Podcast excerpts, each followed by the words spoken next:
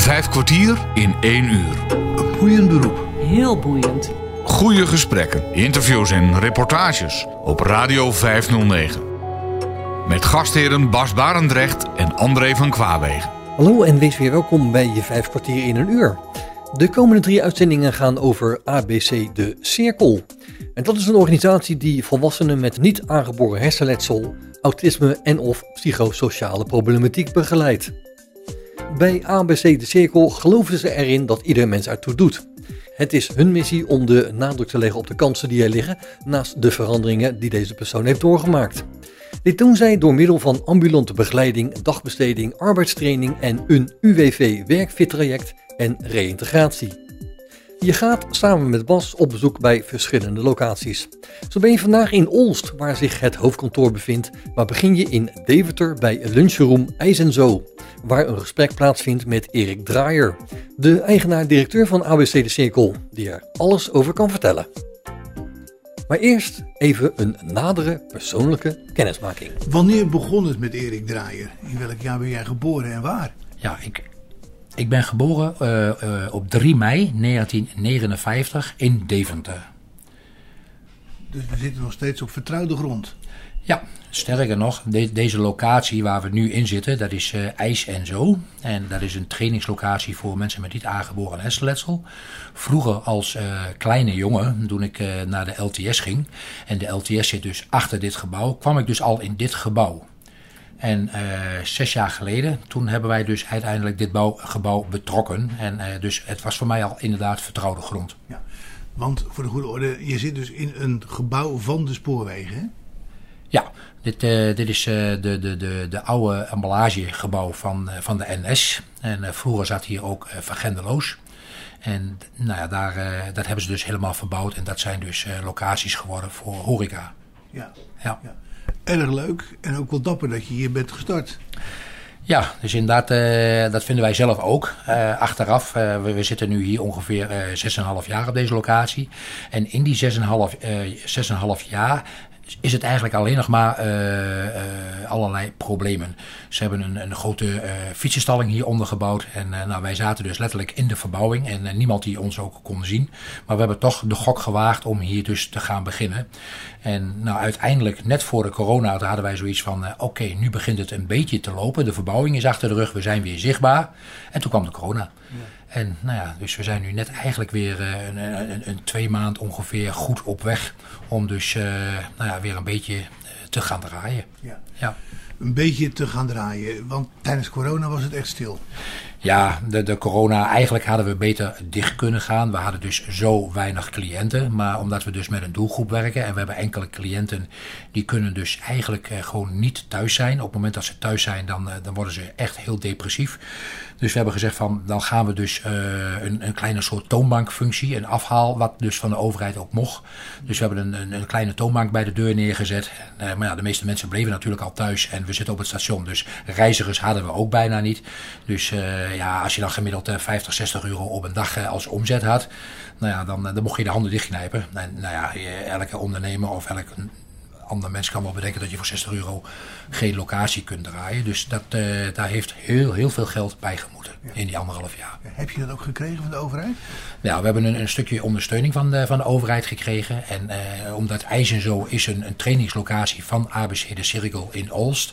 En uh, ABC De Cirkel die heeft dus vanuit hun eigen beheergroep dus elke maand het verlies erbij gedaan. Om dus toch deze trainingslocatie open te houden omdat het ook een, een belangrijke werkplek is. Nou zeg je ABC de cirkel, maar dat is toch ook verweven in de onderneming die hier zit? Ja, dat klopt. ABC de cirkel, daar ben ik uh, in 2008 uh, op 26 of 28 april, ik weet even niet exact de datum, ben ik uh, begonnen als nou ja, als begeleider voor niet aangeboren hersenletsel. En met name in eerste instantie ambulant.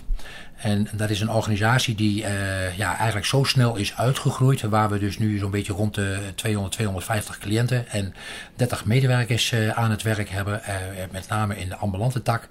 met name in dagbesteding en reïntegratie. Dat zijn eigenlijk onze hoofdfacetten waar we mee werken. Ja. En ja, inderdaad, ABC de Cirkel, dat is dus inderdaad ja, de, de, de, de grote organisatie van ons. Ja. ja. En ABC de Cirkel zorgt er dus voor dat mensen die niet thuis kunnen zijn en zo kunnen werken. Ja, dat klopt. Met, met name, uh, we hebben dagbesteding. Dus daar gaan heel veel mensen in Ols die gaan naar dagbesteding toe. Maar die krijgen dus ook van daaruit ambulante begeleiding. Dus onze begeleiders komen dan bij de mensen thuis. En reïntegratie. Dus we gaan ook kijken van mensen die dus eventueel weer ingezet kunnen worden in de maatschappij. En die daar ook weer naar terug willen.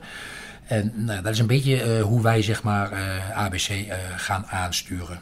En, een soort vroeger sociale werkvoorziening? Ja, nee, geen sociale werkvoorziening. Je had vroeger inderdaad sociale werkvoorziening, maar je had dus ook dagbesteding. Nou, dat, dat, stukje hebben wij eigenlijk een beetje naar elkaar toegetrokken. En we hebben dus ja, bij ons heb je dus eigenlijk alles onder één dak. Dus je hoeft dus niet meer naar een losse sociale voorziening of je hoeft niet meer naar een losse dagbesteding. Bij ons is dat allemaal in huis mogelijk. Dus wil je bijvoorbeeld inpakwerkzaamheden doen, wat je normaal bij sociale voorziening zou doen. Dat zou je dus nu bij ons in dagbesteding kunnen doen. En van daaruit gaan onze begeleiders ook kijken of er dus een mogelijkheid is dat mensen dan op die manier ook weer terug kunnen. En mensen in de uh, sociale uh, voorziening, die bleven nou, ik kom door de bocht heen, wel, wel, wel 20, 30 jaar op één zo'n werkplek bij de gemeente werken. En dat is wat wij niet willen. Wij willen dus echt kijken of er een mogelijkheid is dat mensen ook weer ja, terug kunnen in de arbeidsmarkt. En dit onderdeel, waar dus we nu hier zitten bij IJs en zo, dit is dus echt een trainingslocatie waar ongeveer 15 cliënten eh, binnenkomen. En, uh, of ze hebben dagbesteding, en dan, uh, maar dan hebben ze toch het gevoel dat ze het meedraaien in de maatschappij. Dus dat ze echt in de winkel bezig zijn klanten helpen. Maar vanuit hier begeleiden wij ook mensen terug in de arbeidsmarkt. Dus we hebben hier ook al een x aantal mensen geplaatst die dus een baan ergens anders hebben gevonden. Ja, ja. dat is best uniek. Ja, wij, wij, wij, ja, wij zijn wel heel trots op uh, wat wij doen. En uh, inderdaad, uh, het is uniek. En ja, we, we, nemen ook zelf mensen aan met een beperking. Dus die werken hier ook. Dus die hebben gewoon eigenlijk het salaris van, van ABC de Cirkel. En deels een stukje aanvulling van het UWV. Maar ja, we, daar zijn we blij mee. Ja. Dat is ja, het mooiste wat je kunt doen. Ja.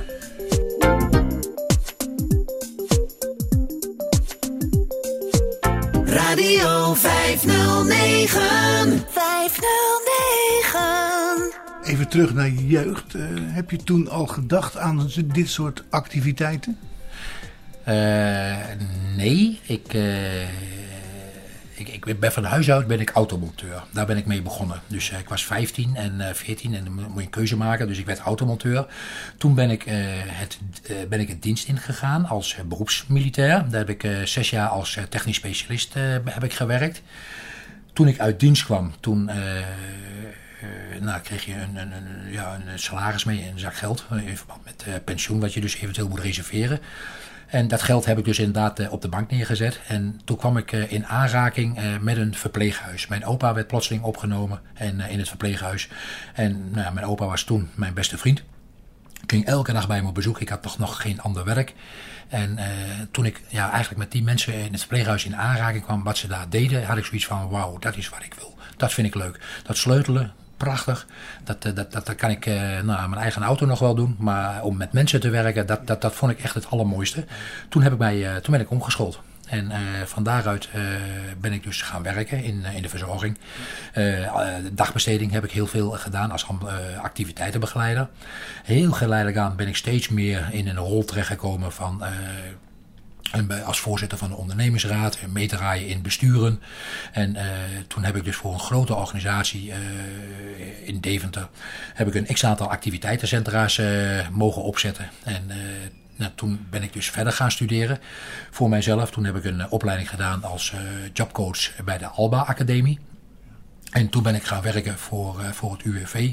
En van daaruit uh, kwam ik met het idee van... God, waarom zouden we niet een heleboel mensen, een heleboel waarjongens bij elkaar neerzetten... maar wel in een regulier bedrijf. En dan kijken of we die mensen in één keer kunnen trainen. In plaats van dat je dus elke keer naar één iemand toe reist. Nou ja, dat is een beetje uh, een stukje van ja, mijn achtergrond. En ja, toen ik eigenlijk met mensen werkte in het verpleeghuis, ja, daar is mijn grootste liefde om te werken met mensen. Ja, dat is, dat is echt het mooiste wat er is. Dat, ja. ja. Waar, waarom is dat het mooiste dat er is? Ja, de, de dankbaarheid wat je gewoon van, van, van mensen krijgt, eh, tot je ze kunt helpen. Uh, het stukje ervaring, en met name nu, ik ben uh, bijna 63, en wat je dus allemaal nog weer terug kunt geven. Ja, wat je normaal ook bijvoorbeeld bij je kinderen doet. Maar dat, dat, dat geef ik ook heel veel terug aan onze doelgroep. En ja, ze, ze zijn zo blij dat je gewoon ja, hun daarbij helpt. En ja, dat is gewoon het mooiste om te mogen doen.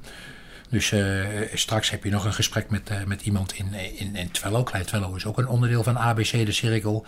Ik begeleid, dat vind ik nog echt prachtig om te doen. Ondanks dat ik uh, nou ja, eigenaar ben van ja, toch wel een middelmatig grote organisatie. Maar ik vind het nog heerlijk om naar mensen toe te gaan. En om thuis dus ook nog ambulant mensen daar te helpen. Dus structuur aan te brengen. Ja, en als je dan ziet hoe mensen, ja, hoe fijn ze het vinden dat je komt. Als je niet komt, toevallig, om wat voor reden dan ook.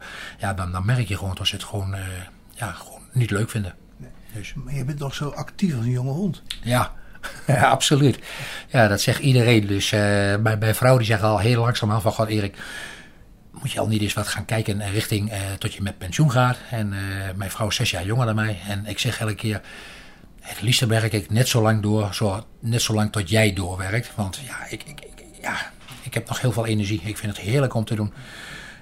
Wat er ook aan staat te komen. Ja, je zit hier, helaas, uh, jouw luisteraars die kunnen dat niet zien. Maar hier hangen uh, twee, uh, twee, ja, hoe noem je dit? bouwplaten van, van locaties. Dus wij gaan nog iets nieuws opzetten. En uh, je had het een beetje over uh, sociale activering. Maar in dit gebouw gaan we dus ook inderdaad uh, de sociale activering, maar ook de, de houtloods, waar je vanmiddag een gesprek mee hebt, die gaan we dus ook in dit nieuwe gebouw gaan we dat nog meer vormgeven. En ja, daar wil ik eigenlijk, nou, als je het zelf zegt als, als jonge hond, wil ik mij daar nog heel erg druk voor maken. Dus vanmiddag om half drie heb ik dus de laatste afspraken met dit bouwbedrijf. En dan hoop ik dat we kunnen zeggen van, yes, dit, dit, is ook weer een project wat, uh, wat we gaan opzetten. En wat zijn dan de plannen daarmee? Nou ja, de, de plannen hier is uh, dat er dus een, uh, een, een, grote, grote werkplaats gaat komen. Dus waar dus toch wel, denk ik, ja, 20, 25 cliënten aan het werk kunnen met hout en in dagbesteding. Maar ook dat mensen dus daar projecten kunnen binnenhalen. Dus ja, vind je het leuk om duizend lipsloten in elkaar te zetten. Dat zijn de projecten die we dus daar zeg maar gaan vormgeven. Dat is een beetje het idee van, uh, van dit gebouw. Ja, ja. En dat gebouw komt ook in Deventer? Nee, dat gebouw komt in, uh, in Olst te staan. Dus, uh, want Olst is eigenlijk een beetje onze uitvalbasis. Daar zijn we begonnen. En nou, we, we, werken heel prettig samen met, met de gemeente Olst. Dus we vinden het ook ja, gewoon fijn om het gebouw daar neer te zetten.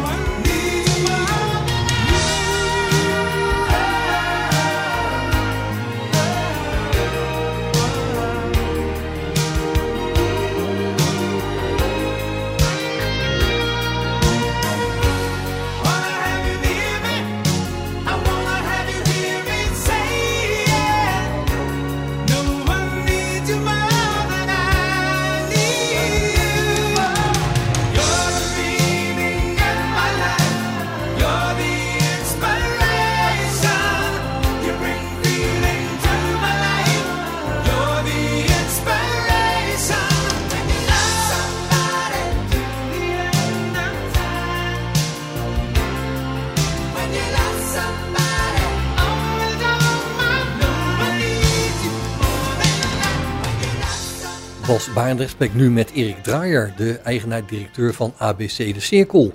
Een organisatie die volwassenen met niet aangeboren hersenletsel, autisme en of een psychosociale problematiek begeleidt. Dat begeleiden doen ze onder andere in hun eigen lunchroom. Je verkoopt hier ook ijs, Erik. Ja, wij verkopen inderdaad uh, ijs. We hebben uh, 16 smaken uh, ijs. het ijs, daar zijn we ook uh, eigenaar van. Want het is ons eigen ijs. Vandaar dus dat je ook die hele grote poster op de wand ziet. En bij ons zie je ook geen ijs. Het ijs zit allemaal in uh, speciale bakken. En dat zijn uh, Possetti bakken. En Possetti is in het Italiaans potje. Daar zit een deksel op. En dat zit verscholen in een mooie grote aluminium vitrine. En bij ons heeft de beleving eigenlijk op de muur al ons ijs, dat, dat, dat, daar zijn we eigendom van. En dat hebben we dus uh, eigenlijk verzameld door heel Europa heen. En het ijs wordt gemaakt door een ijsmaker in Nederland op verzoek van ons. Hoe kom je op het idee om dit te doen? Nou ja, uh, hoe kom je op het idee? Volgens mij hebben we het er al eens een keer over gehad. Maar in principe, ijs is een hulpmiddel. En wij, wij, wij werken met een doelgroep. En daar, daar, ja, daar hebben wij dus eigenlijk voor bedacht om ook ijs te gaan verkopen. In Deventer was altijd maar één ijssalon en dat, was, uh, of dat is Talamini. En verder is er gewoon 75 jaar lang nooit iemand geweest die ook maar het lef had om met ijs in Deventer wat te gaan doen. En wij hadden uh, zes jaar geleden uh, wel het lef om dat te gaan doen. En toen hebben we dus ook inderdaad meneer Talamini bij ons op de stoep, of in ieder geval telefonisch aan de lijn gaat. En die stelde ons de vraag van, waarom gaan jullie niet ijs van ons verkopen? Nou, meneer Talamini uitgelegd dat wij met een doelgroep werken en dat wij heel graag ons eigen ijs willen hebben. Als wij ons ijs willen maken of wij willen iemand van onze doelgroep bij, uh, bij het ijsmaakproces uh, hebben, dan gaat onze uh, cliënten die gaan naar onze ijsmaker en die kunnen daar gewoon in principe meedraaien. Dus je kunnen daar het ijs ook samen met de ijsmaker maken. Nou, dat, dat, dat kan nooit bij Talamini, want, uh, of ja, bij Talamini, want Talamini die, die heeft een grote fabriek en dat doet hij met, met zijn eigen mensen en die werkt niet met onze doelgroep. Dus nou, daar was hij wel wat, wat behoorlijk boos over. Dus toen wij hier kwamen, toen, toen zei een van de vertegenwoordigers die we aan de lijn hadden van nou, we gaan jullie wel een heel klein beetje dwars zitten. Ik zei nou, vind ik wel heel kinderachtig, maar je dat wil doen, moet je gewoon doen. Hij zag het als een concurrentie. Hij zag het zeker als een concurrent, want uh, ik had hem al uitgelegd wat wij dus ook met ons ijs doen en hoe wij ons ijs laten maken. Dus uh, nou, dat vond hij al heel bijzonder. Dus uh, nou, uiteindelijk heeft hij dus uh, 50, 60 meter verderop zit hier de Plaza Cafetaria. En daar heeft hij dus uh, de ijs gevuld, de ijsbakker gevuld met zijn ijs. Met een waarschijnlijk een leuke deal met Plaza, zodat die meneer dus uh, waarschijnlijk of niks hoeft te betalen. Maar dat de mensen er allemaal toch maar Talamini ijs bij de Plaza gingen halen. Mm. Er stond een grote reclamebord buiten en uh, nou, daar hebben ze ons eigenlijk mee dwars gezeten. Maar dat hebben ze niet gered. Dus uh, wij, wij zijn gewoon rustig doorgegaan met ons ijs. Uh, wij, wij hebben ook niet dat wij een, een, een grote winstmarge moeten maken. Als wij boven de streep nul draaien, dan zijn we al als zorginstelling heel erg blij. Ja.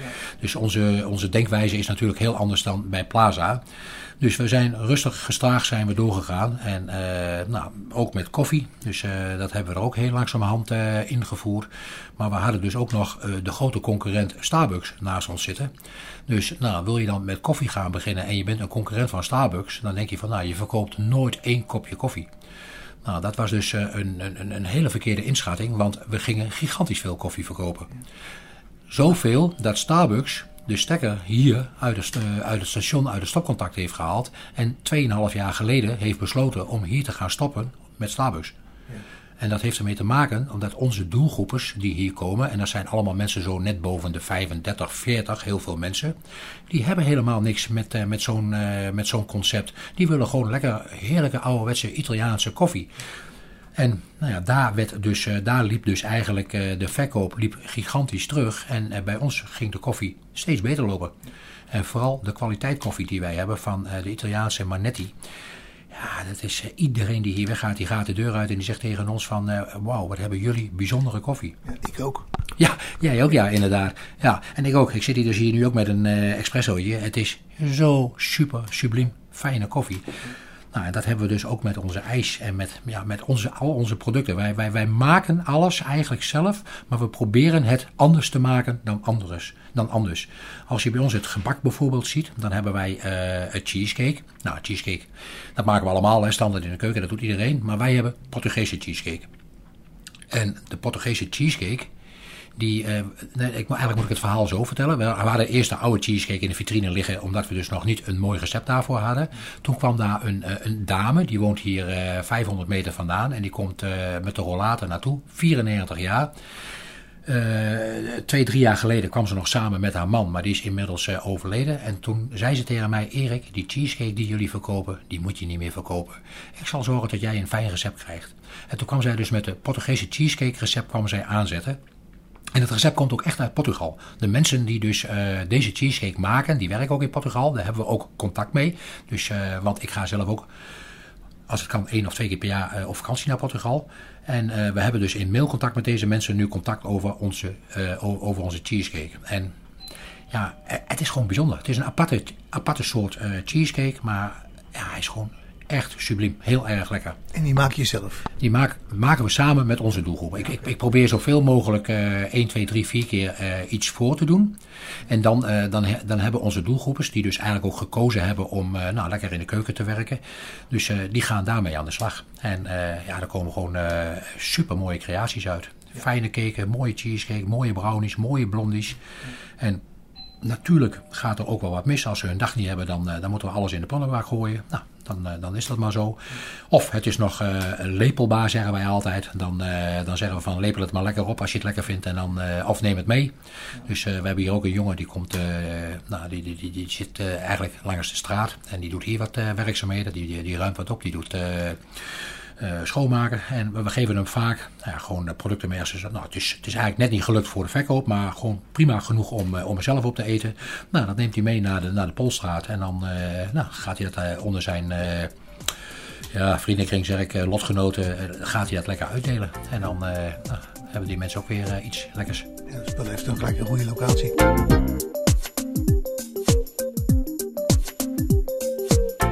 Vijf kwartier in één uur. Ja. Hey, even terug naar het ijs. Ja. Want, want, hoe maak je dat nou? Nou, wij maken niet. Het ijs wordt gemaakt uh, in, uh, in, uh, in Hussen. Bij, bij de ijsmaker. En die maakt het ijs volgens het recept, zoals wij zeg maar het hebben aangeleverd. Dus in het verleden, dan, dan, je kunt allemaal poeders in, in, in ijsproducten stoppen. Maar je kunt ook echte producten erin stoppen. En dat is wat er ook gebeurt. Er wordt dus met echte aardbeien met echte meloenen, echte uh, mango's, uh, daar wordt mee gewerkt. En dan krijg je dus een, een heel ander uh, recept ijs. Ja. En het is ook smeuig ijs bij ons. Dat, het is altijd net iets zachter dan, dan normaal schepijs. En dat heeft er gewoon mee te maken dat ja, de romigheid van, van het ijs, wat, wat daar doorheen zit. En de porcetti, die je permanent op, op de temperatuur houdt wat het ijs nodig heeft. En bij ons zijn alle ijsjes apart instelbaar. Dus uh, als je een, een aardbeienijs hebt, die staat bijvoorbeeld op min 15. Maar als je een hazelnoot hebt, die staat op min 17,1. En uh, zet je hem kouder of zet je hem warmer, dan, uh, dan, dan is die ijs gewoon of te zacht of te hard. En ja, als je zeg maar een ouderwetse systeem hebt, met, dat het, de lucht over het ijs heen gaat, dus dat je tegen het ijs aankijkt ja, dat, dat is ijs wat uh, helemaal aan het einde van de dag langzamerhand gaat uitdrogen. Want ja, lucht circuleert en lucht uh, droogt, net zoals een, een, een, droger voor je wasmachine. Daardoor wordt je was droog. En dat gebeurt dus ook met, eigenlijk met ijs in de vitrine. En uh, dus vandaar dat wij gekozen hebben voor, voor dit systeem, potty-systeem, waarvan de luchtkoeling achter het ijs gaat via glycerine, wat eigenlijk ook in een auto zit als een soort koelvloeistof. Nou, dat, uh, dat is een beetje ja, het, het verhaal van ons ijs. En uh, ja, Esther en ik die, die reizen door Europa. En wij, wij proeven en wij proeven en wij proeven, omdat we dat heel erg lekker vinden. En als we iets heel erg lekker vinden, dan nou, ga ik eens heel voorzichtig met, met iemand in gesprek. En dan, dan lukt het meestal wel om de ingrediënten wat erin zitten los te krijgen. Dus, en als het helemaal niet lukt, dan willen we er ook nog voor betalen. Ja. Dus ja, en, en zo, ja, als we in het buitenland zijn, dan geven onze ogen heel erg de kost. Want uh, onze buitenlandse uh, ja, mensen, die, die hebben fantastische mooie producten. Daar kunnen wij soms heel veel van leren. Griekenland, fantastische goede koffie, ijskoffie. Ik heb een dag meegedraaid in een, uh, in een ijs koffiezaakje, Grieks koffiezaakje. En die mensen hebben de, ons, of mij, de, de, de ijskoffie laten zien hoe hun dat maken. En ik heb er één dag gratis meegedraaid, alleen maar om ja, te leren van hoe maken jullie nou die ijskoffie? Hoe gaat die de deur uit? En wij maken hem dus nu hier. Dus, uh, en er zit dan iets in, een geheim recept. dat doen wij doorheen. En de mensen die hier nu binnenkomen, die hebben allemaal zoiets van... Uh, wauw, wat een fijne ijskoffie. Vijf kwartier in één uur. Vandaag ben je samen met Bas Barendrecht op bezoek bij ABC De Cirkel. Een organisatie die volwassenen met niet aangeboren hersenletsel, autisme en of psychosociale problematiek begeleidt. En dat doen ze onder andere met dagbesteding. Zojuist zat je nog in hun lunchroom in Deventer en hoorde je directeur Erik Draaier hierover vertellen. Straks keer je daar nog even kort naar terug, maar gaan we eerst 8 kilometer verderop kijken waar het hoofdkantoor van ABC de Cirkel in Olst te vinden is. Bas spreekt daar met een belangrijke schakel in de organisatie. Op Radio 509. Ik ben Annie Tewischa en ik werk sinds januari 2017 bij eh, ABC de Cirkel als zorgmanager. En hiervoor heb ik jaren in de jeugdhulpverlening gewerkt. Uh, nou, in allerlei verschillende functies. Ook met uh, lichtverstandig gehandicapte mensen. Van alles gedaan. En uh, hiervoor, uh, waar ik als leidinggevende werkte, was bij Trias Jeugdhulp. Bij alles wat met pleegzorg en gezinshuizen te maken had. Wat ontzettend boeiend en interessant was. Maar de functie werd daar ook steeds meer op afstand sturen van de mensen. En ik hou heel erg van werken met mensen. En uh, van alles dicht met mensen ontwikkelen, mensen uh, zelf helpen om te ontdekken wat ze leuk vinden. En daar wil ik eigenlijk er tijd en ruimte voor hebben om dat met elkaar te doen. En toen zag ik een vacature in Alst en ik woon zelf in Deventer. En mijn droom was om ooit op de fiets naar het werk te kunnen. Dat kan wel ongeveer. Dat kan, 8 kilometer, 9 kilometer. Dus ik denk, daar moet ik zijn. En, uh, dus ik heb gesolliciteerd en ben aangenomen. Het was een nieuwe functie voor deze organisatie. En uh, ja, ik kwam een beetje binnen met van, nou, we gaan met elkaar die functie maken en ontdekken uh, wat nodig is en welke kant het zich op, ontwikkelt. Nou, het is nu vier jaar later. En er is ook alweer van alles veranderd. Doordat ABC de Cirkel eigenlijk heel erg is gegroeid de laatste jaren. Uh, we merken dat ja, cliënten graag de hulp van ABC de Cirkel hebben van onze medewerkers. En daardoor uh, is het team groter geworden. Hebben we nog extra locatie erbij gekregen. En um, waar ik me nu vooral mee bezighoud is uh, alles wat met ambulant te maken heeft. Dus het zijn de mensen die thuis hulp krijgen. We hebben iets van 110, 120 cliënten die uh, thuis wonen en hulp krijgen in de thuissituatie. Wij noemen het ambulante begeleiding. Waar de medewerkers naartoe gaan naar die thuissituatie. En wat ik dan doe is eigenlijk al het eerste contact. Dus de contacten met de gemeentes, met degene of de cliënten zelf of de familieleden die de aanmelding doen. Dan doe ik vaak de intake en dan zoek ik een leuke collega bij die past bij degene die hulp nodig heeft. Dan ga ik er met de collega heen. En vervolgens gaat de collega die begeleiding doen, maar begeleid ik de collega weer. en kan ik dus meedenken van, goh, wat is nodig, wat kom je tegen? Uh, hoe is, is het handig om dingen aan te pakken? Dus dat is een groot onderdeel van mijn werk. Dus het ambulante team, uh, uh, nou ja, daar ben ik leidinggevende van. Maar daarnaast, ook omdat ABC de Cirkel niet heel groot is, hebben we hier niet allerlei afdelingen, verschillende afdelingen. Dus ik doe um, vooral ook wat nodig is en op het pad komt. Dus dat betekent ook dat ik uh, beleid en kwaliteit doe, maar ook PR-dingen. we hebben net een nieuwe folder gemaakt als er een vacature is, zet ik die op de website en uh, op Indeed. En uh, ja, wat doe ik allemaal? Nou, alles wat me nodig is, zeg ik altijd voor uh, om dat de medewerkers hun werk goed kunnen doen en de cliënten de goede zorg krijgen.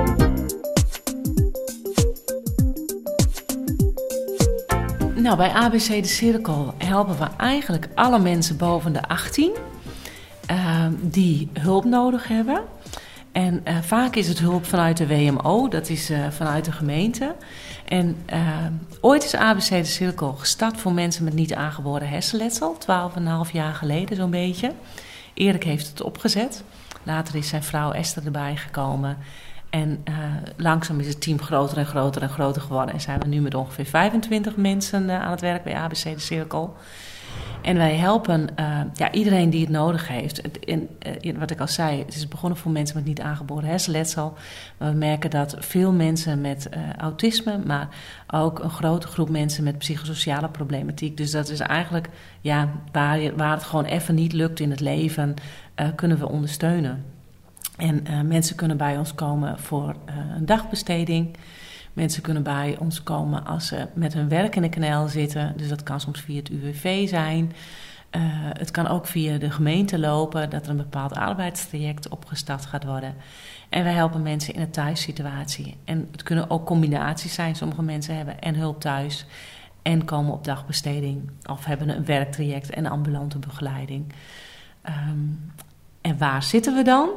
Nou, eigenlijk is de regio best wel heel groot. Uh, Alstwaaien, uh, dat is de gemeente waar het begonnen is. Deventer, uh, in Voorst. dan hebben we Hattem, Dalfsen, Raalte. Dat zijn eigenlijk de grootste gemeentes waar we contracten mee hebben en zorg bieden. Dus we hebben een aantal locaties waar mensen naartoe kunnen. Dat is in Alst, Deventer en Twello. Maar die ambulante hulp kan in al die gemeentes die ik net noemde. Een boeiend beroep. Heel boeiend. En geen dag hetzelfde. En dat, daar hou ik dus heel erg van. Uh, dat het gewoon ja, altijd weer anders is. Ik, ik kom bij, nou wekelijks bij nieuwe cliënten over de vloer. Dat vind ik een van de leukste stukken van mijn werk. Dus ja, je drukt op een bel ergens en je weet niet wat het verhaal achter die voordeur is. En, uh, en die mag ik gewoon horen. En ik ben altijd verbaasd over wat je dan te horen krijgt in het eerste uur. Dat mensen zo ontzettend veel vertellen over wat hun thema's zijn in het leven, wat hun bezighoudt, wat ze lastig vinden, waar ze dus graag ondersteuning bij willen. En ja, nou ja, dat zijn zulke boeiende, boeiende gesprekken. Vind ik, vind ik echt heel mooi.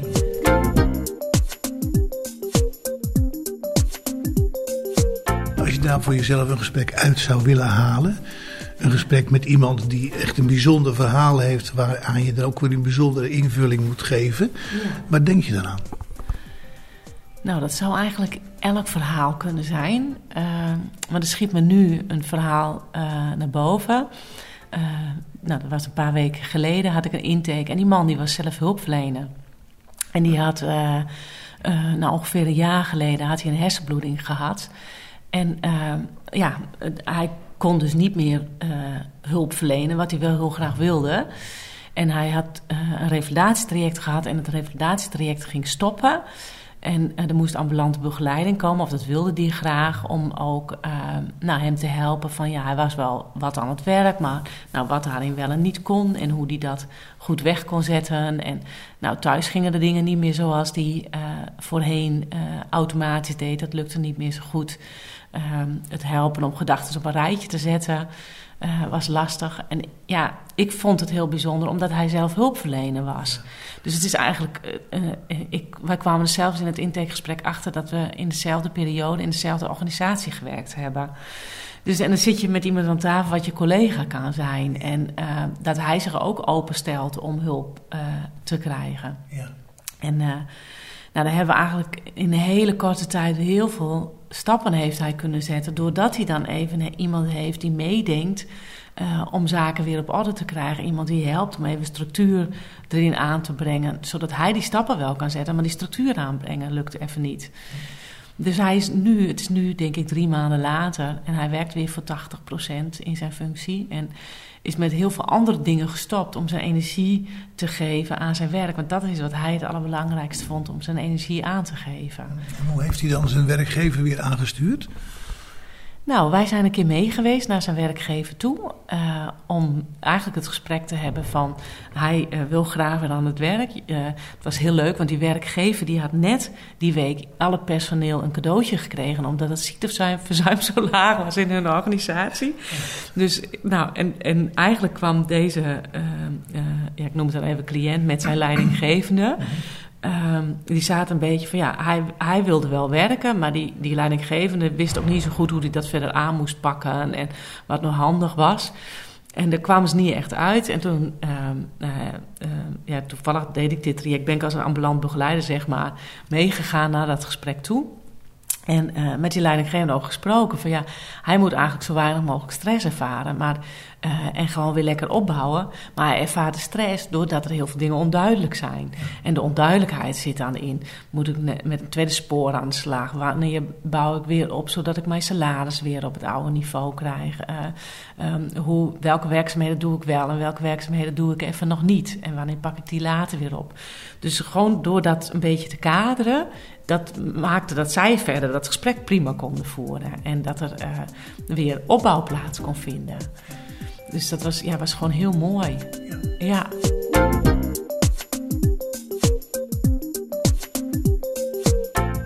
Radio 509. 509. Uh, ik had vorige week een, eh, een, een, een, een jonge jongen. Nou, eigenlijk hebben de laatste best wel heel veel jonge mensen, begin twintig. En met name de, de jongeren met een vorm van autisme, merk ik dat die in coronatijd het heel moeilijk hebben uh, gehad. Um, en doordat. Uh, ja, wat ik nu merk is dat, zeg maar, toen corona startte, dat heel veel autisten het eigenlijk wel lekker vonden. Want die hadden zoiets van: God, ik hoef niet meer naar feestjes toe. Ik hoef niet meer allemaal een hand te geven of knuffels te geven. Of, uh, en uh, dat is eigenlijk wel heel erg lekker, want dat is even not done. Dus al die sociale dingen die ze lastig vinden, die worden even niet gevraagd. Dus dat is prettig. Uh, maar nu merk je dat er heel veel ehm, werk allemaal van het huis is. scholen zijn gestopt, bepaalde projecten zijn dichtgegaan. En heel veel van de jongeren, die hebben gewoon maanden alleen maar thuis gezeten op hun kamer. Uh, soms thuiswonend. Uh, maar hebben helemaal niks meer niks te doen gehad overdag. De scholen zijn dichtgegaan, uh, de clubs zijn dichtgegaan en ze doen helemaal niks. En die zijn echt heel eenzaam. En ik merk dat ik de laatste periode, ik even denk, ik heb net in het Wello denk ik drie jonge jongens gehad van begin twintig, die echt eenzaam waren en vanuit eenzaamheid zo verdrietig en depressief zijn geraakt. En het ook niet, niet weten meer wat ze moeten doen om in contact met anderen te komen. Dat ze geen dagritme hebben, uh, geen doel hebben. Dus waarom zul je je bed uitkomen? Uh, dus ja, nou dat, dat raakt mij. Dat vind ik echt heel erg. Want ik denk van, uh, ongeacht welke problematiek je hebt, ik denk dat wij uh, vooral met iedereen moeten zoeken van wat helpt jou om je nuttig te voelen in deze maatschappij. En iedereen die heeft daarin andere mensen nodig. Ja. Wat doe je dan in zo'n geval? Nou, tijdens zo'n intake haal ik gewoon, vraag ik vooral heel veel van hoe ziet je leven er nu uit? Dus hoe gaat het met je gezondheid, met je dag-nachtritme, met je financiën, met je sociale netwerk, uh, met je uh, leefstijl? Nou, heel breed eigenlijk. Um, dus ik probeer vooral informatie te krijgen hoe dat nu is. En dan vraag ik ook door: van, goh, wat vind je, vind je daar nou prettig in? En wat vind je niet prettig? En wat zou je anders willen? En als we nou over een halfjaartje uh, zouden zijn, wat, wat zou je dan wensen wat er anders is dan nu? En dat is eigenlijk de vraag waar we dan mee aan de slag gaan. Als iemand zegt, nou, ik zou het heel fijn vinden als ik een doel heb, dat ik, dat ik gewoon ja, weer iets te doen heb overdag. Nou, is dat het allerbelangrijkste? Dan is dat waar we mee aan de slag gaan. Dan gaan we op zoek naar um, wat, wat, jij, wat voor jou passend is om je bed vooruit te komen. Mhm. En dat vind je dan altijd? Ja, nou ik niet, want uh, meestal uh, gaat er wel een ambulante collega het werk doen.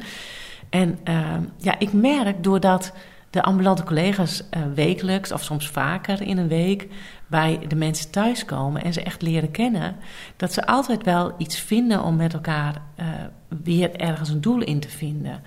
En, en soms is dat uh, soms ook door juist even met de hond naar buiten te gaan en te gaan wandelen. En al wandelend het gesprek met elkaar daarover te voeren. Of tijdens het opruimen van de kamer, of tijdens de afwas. Of uh, dat je met een cliënt samen de boodschappen gaat doen om maar weer het huis uit te gaan. Maar ze vinden altijd, ik vind dat men heel creatief is als ambulant begeleider, daar ben ik ook trots op. Uh, maar ze zijn heel creatief in het aansluiten bij dat wat, van de, wat de cliënt wil. Ja, en wat dat is, is heel verschillend. Ja. Seems like yesterday, but it was long ago. Jane, it was lovely, she was the queen of my night. There in the darkness with the radio playing low end. And the secrets that we share, the mountains that we move, caught like a wildfire out of control, till there was nothing left to burn and nothing left to prove.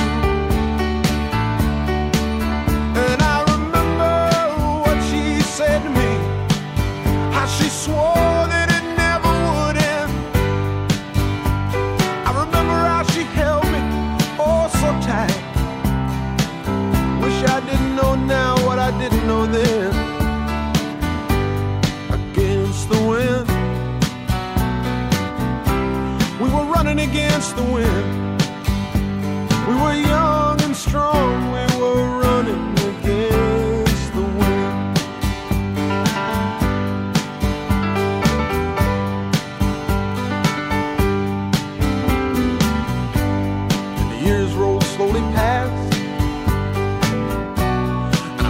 myself alone, surrounded by strangers I thought were my friends I found myself further and further from my home, and I guess I lost my way. There were oh so many roads. I was living to run and running to live. Never worried about paying or even how much I owe.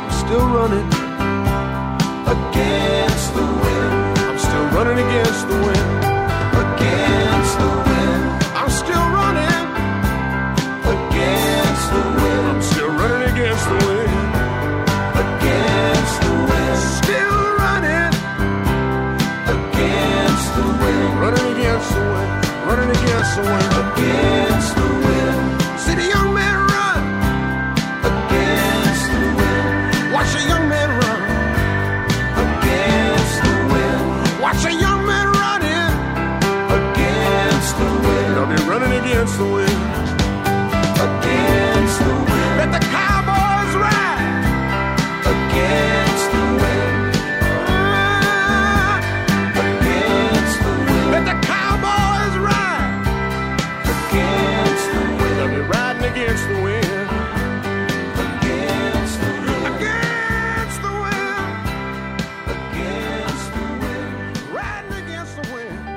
Bij 5 kwartier nu spreekt Bas Barendrecht momenteel met Andy Terwisscha, zorgmanager bij ABC De Cirkel.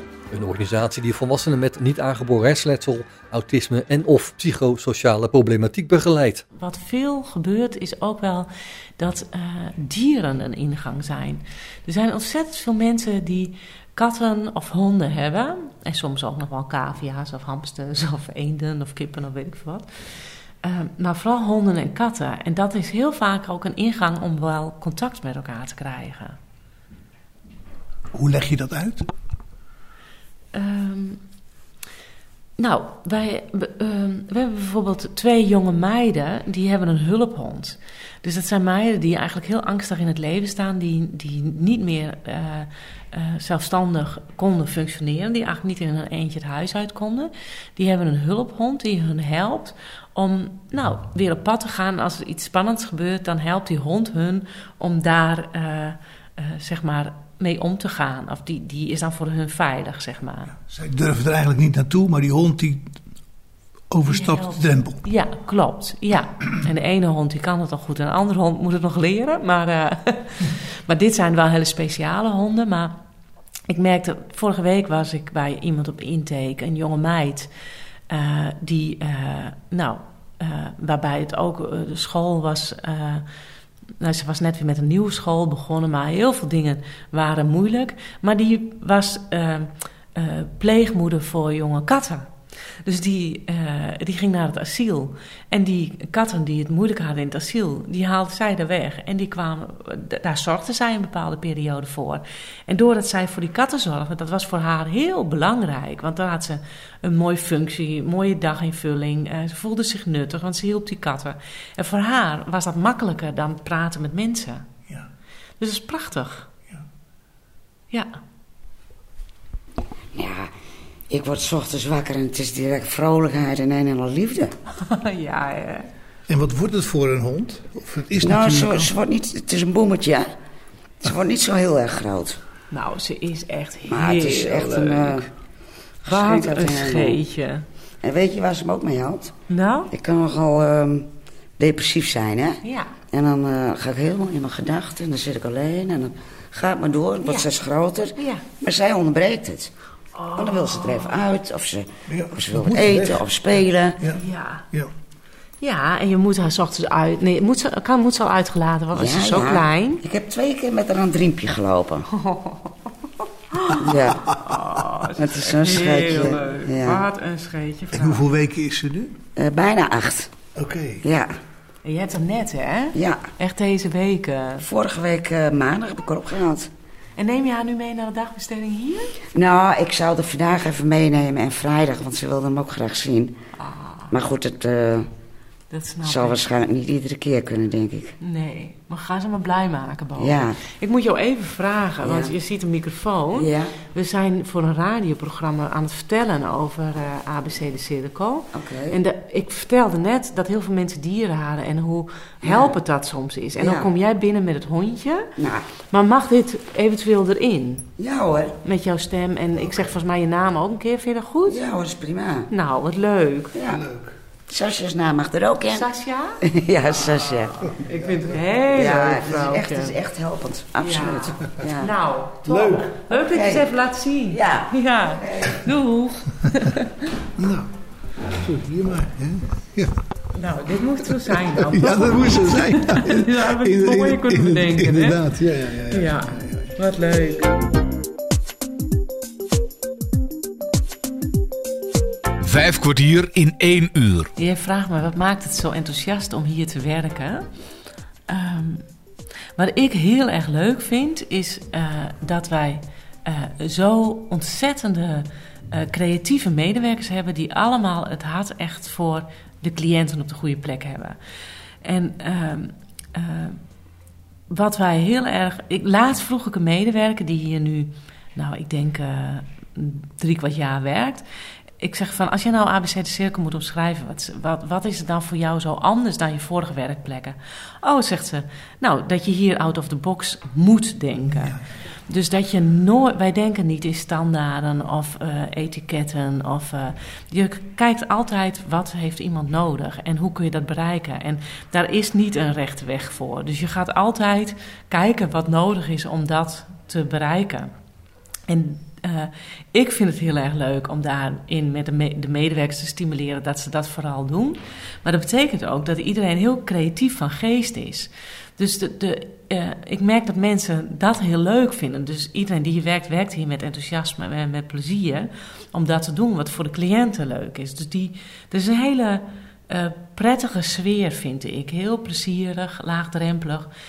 Cliënten komen hier graag, de medewerkers werken graag.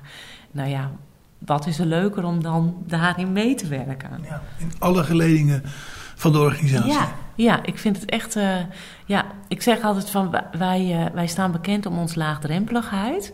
Dus dat betekent ook dat ik als zorgmanager, uh, nou ja, dat een cliënt even binnenloopt om een hondje te laten zien. ja, dat vind ik superleuk. Ja, en ik heb ook wel in organisaties gewerkt. Ja, dat, daar, daar is dat niet. Want dan zit je als manager op een kantoor. Heb je geen afspraak? Nee, je hebt geen afspraak, kan je niet binnenkomen. en dat loopt hier hartstikke door elkaar heen. En soms is het helemaal niet efficiënt, maar het is wel heel leuk. ja. Dit was Andy Terwisga, de zorgmanager van ABC De Cirkel in Olst. We keren nog even terug naar Deventer, waar Bas Barendrecht nog één vraag over heeft. En hij stelt hem aan directeur Erik Draaier. Ben je niet trots op wat je doet? Ja, ik, ik, ja, ik, ik, ik zeg het te weinig. Dus, uh, maar de, de, mensen altijd, nou jij stelt die vraag ook al, maar die zeggen allemaal van, uh, maar je mag wel heel erg trots zijn.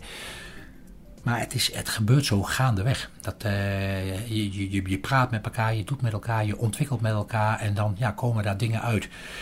En ja, ik heb het al eerder een keer gezegd, ik doe het niet alleen. Dus uh, we sparren, we praten. Uh, als ik met jou praat en jij hebt een idee, dan, dan doe ik het ook met jou. En dan, dan, dan luister ik daar ook naar. Oma, die we dus nu inmiddels die onze cheesecake kon brengen, 94 jaar, die, die helpt mij ook. Dus ik ben trots, maar ik ben ook trots op de mensen die ons helpen. Dat, dat is gewoon zo mooi, zo mooi. Beter kan je het niet hebben. Een directeur die achter zijn producten, cliënten en medewerkers staat. Volgende week het tweede deel over ABC de Cirkel en brengen we samen een uitgebreid bezoekje aan de locatie Klein Twello in Twello. Voor nu bedank ik je namens Bas Baardes voor het luisteren en heb je nog vragen of opmerkingen of wil je zelf eens aan het woord komen? Dan kan je een mailtje sturen naar bas.radio509.nl Dit programma is overigens ook te beluisteren via de podcast van Radio 509. Geniet van de rest van deze dag, blijf luisteren naar Radio 509 en tot een volgende keer. Vijf kwartier in één uur is een programma van Bas Barendrecht. Techniek André van Kwaabegen.